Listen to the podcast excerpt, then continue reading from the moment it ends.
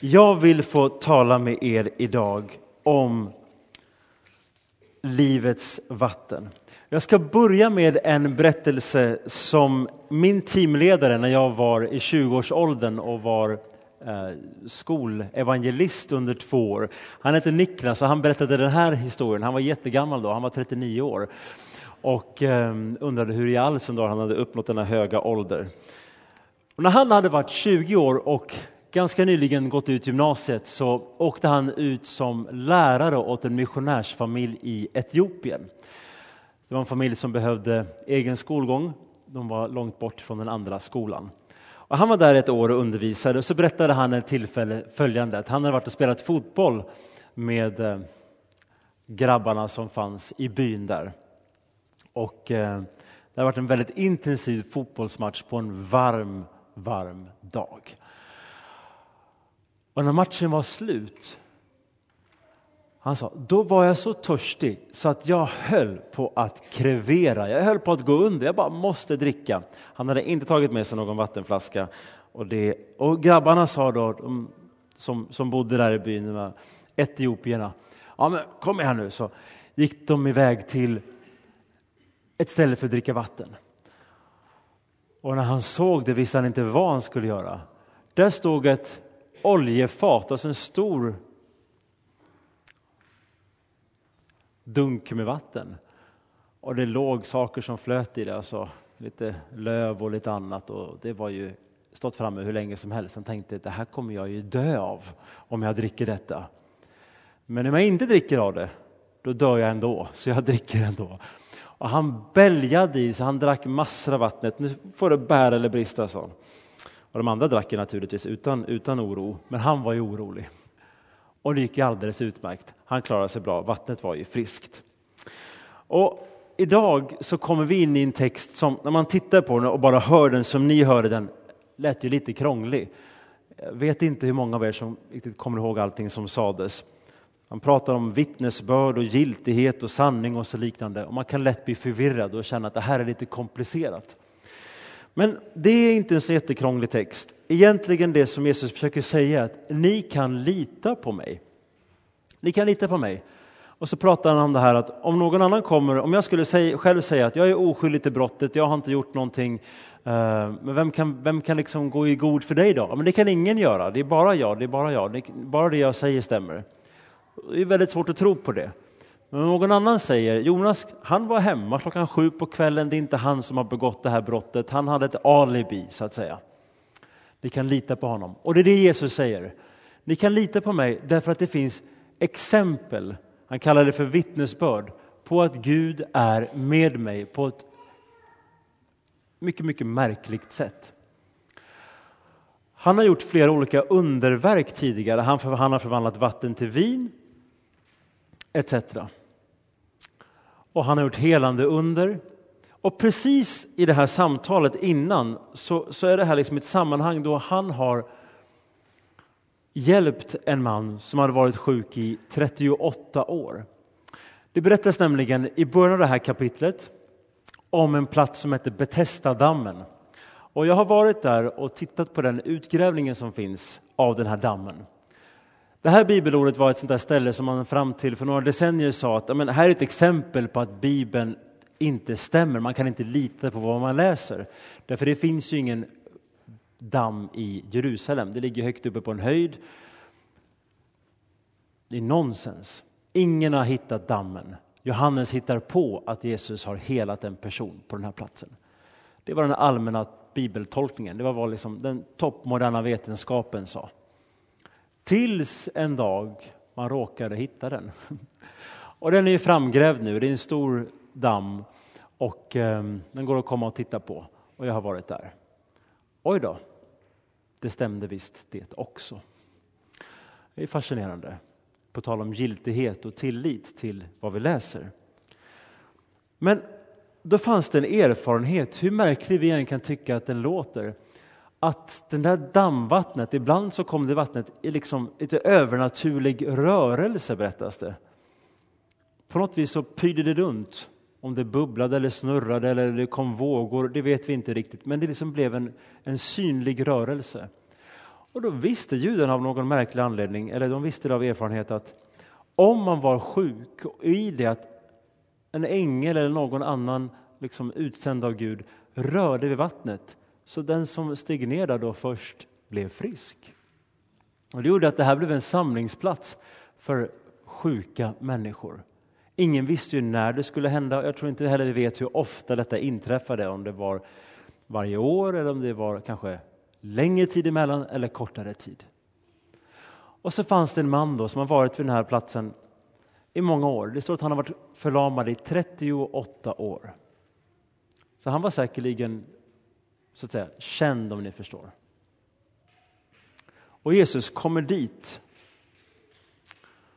Och då står det så här om vittnesbörd. Då. Jesus såg honom ligga där och frågade Vill du bli frisk?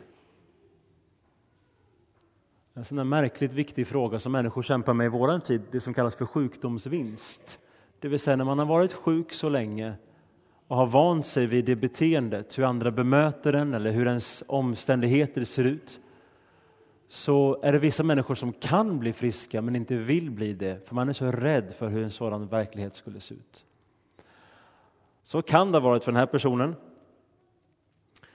Eller så var det någonting annat. Men Jesus ställer den här viktiga frågan. Och den sjuka svarade, Herre, jag har ingen som kan hjälpa mig ner i bassängen när vattnet börjar svalla, rör sig. Medan jag försöker ta mig dit hinner någon annan före mig. Och det är också den här sorgliga smärtan vi ser idag, hur människor som är sjuka, om man ibland känner till detta omkring sig, ändå inte ger tid ens till ett telefonsamtal till människor som man vet kämpar med sjukdom.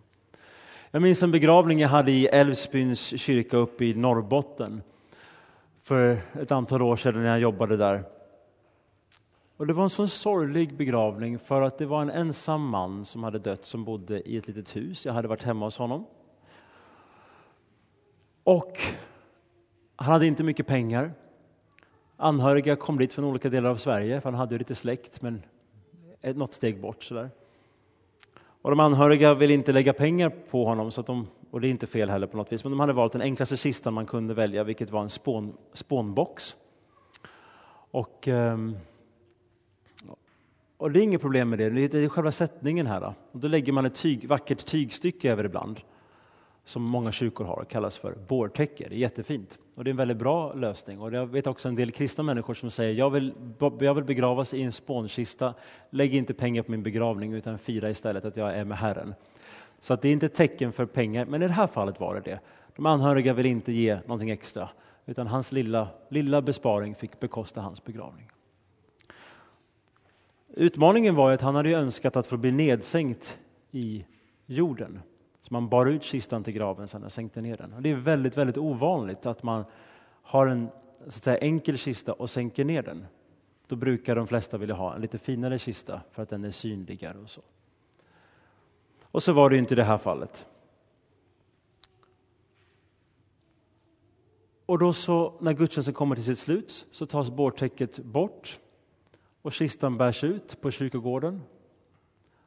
Och naturligtvis så regnar det också. Så det är, det är sorgligt in i märgen. Och så sänks kistan ner, men den är ju eh, härlig så tillvida att Gud har alltid varit med den här mannen och har lovat att uppväcka honom. Så där fanns det ljusa hoppet. Så står jag där och så hör jag bakom mig hur de här anhöriga pratar och en kvinna säger till sin man gissningsvis. Jag ångrar så att vi inte brydde oss om honom. Jag ångrar så. Under det att den här enkla kistan sänks ner i regnet där. Det var efterklok. Eh, och livet är inte alltid enkelt. Och här har vi ytterligare en person som säger ingen hjälper mig till vattnet. Han får säkert försöka kravla sig dit bäst han kan till källan. Och de goda nyheterna är att han lyckas inte på egen kraft men Jesus kommer till honom. Och det är hoppet till dig som har jag försöker kämpa mig till Jesus, jag försöker kämpa mig genom livet och det är ingen som hjälper mig. Jag är bortglömd. Ingen ser mig. Jag är sjuk. Det är allmänt känt, men ingen verkar bry sig. Och då kan den här texten vara ett uppmuntrande ord till dig. Jesus kom till honom. Han hade försökt komma till Gud. Och Bibeln berättar att Jesus är bara på en böns avstånd bort, om ni förstår. Så han är hos oss. För öppna hjärtat, hjärtats port och han hjälper på så många underbara sätt.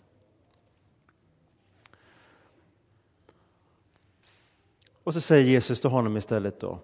Stig upp, ta din bädd och gå. Och genast blev mannen frisk och tog sin bädd och gick. Men det här ägde rum på en sabbat och då fick man inte göra goda saker på det här viset som krävde energi. Så judarna blir arga på honom och säger vi kan inte lita på dig, du är ju en lögnaktig lärare.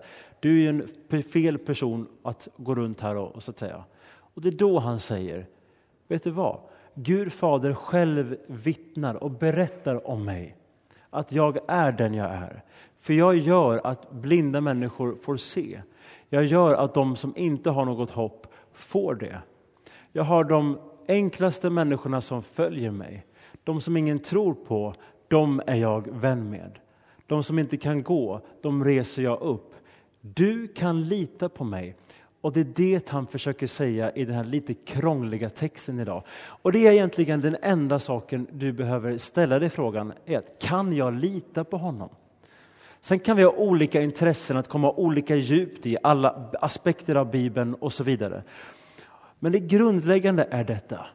Vill jag lita på honom? Kan jag lita på honom? Vågar jag lita på honom? Och Det är därför alla människor kan komma till Gud oavsett hur intelligent, smart, rik, fattig eller gammal man är. Jesus han är alla vän, vän till alla. Han är barnens vän, han är ungdomarnas vän, han är den vuxnes vän, han är den som ligger på sin dödsbädds vän, han är vars och ens vän. Och oavsett hur din tro upplevs idag, så kom ihåg detta.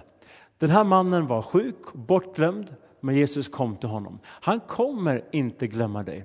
Livet är fyllt av så mycket lidande och svårigheter, jag kan inte förklara det. Ibland så är livet toppen och ibland är livet botten. Men han har inte glömt dig. Han har inte glömt världen.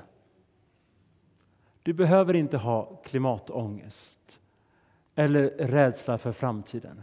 Därför vad är det värsta som kan hända? Det är att du stiger in i nästa så att säga, nivå av evigt liv.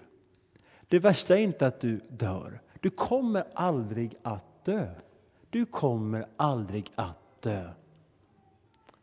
Ingen av oss vill lida. Vi ska aldrig söka lidandet. Men mitt i lidandet så är det gott att veta en dag upphör de till djupt, fullständigt helande och ljus. Det är det som är de enkla, goda nyheterna idag. Det är de enkla, goda nyheterna idag. Och jag har ritat upp här ehm, det som är en så kallad behovstriangel. Det finns lite olika, men som säger vad är det viktigaste i livet? Och då brukar man säga att det viktigaste är att man har mat och vatten. När man har det, då bör man tänka efter. Jag vill också känna mig trygg. Kan jag stänga om min dörr? Kan jag låsa? Kan jag vara säker här? Det är det nästa behovet vi har. Och när vi har fått det, då längtar vi efter gemenskap. Men har du inte vatten, då är inte vänskap det viktigaste känner man, utan då vill man bara klara sig. Men när man har fått den grundläggande tryggheten, då önskar man gemenskap. Och när man har gjort det, då önskar man efter uppskattning, att de ska se mig, att jag ska känna att jag kan påverka mitt liv på något vis. Och när man har uppnått det, då vill man vara i så att säga, självförverkligande, bli den du vill vara, så att säga. Och det är här, uppe i självförverkligande, som de allra flesta människor tror att de vill är. Det är ganska få förunnat om det ens är ett mål. Men, men de funderar på, vem vill jag vara? För det är väldigt svårt att ställa sig frågan, vem skulle jag vilja vara innan jag vet att jag har grundläggande behoven, jag har tryggheten, jag har gemenskapen och inflytandet. Och du vet, Jesus, ni kommer ihåg berättelsen om Niklas, min lärare som spelade fotboll i Etiopien. Han insåg att han hade ett livsavgörande grundbehov av vatten. Och Jesus lever i Jerusalem, ett varmt land. Uppe på ett berg ligger staden kan man säga. Vatten är någonting man eftertraktar.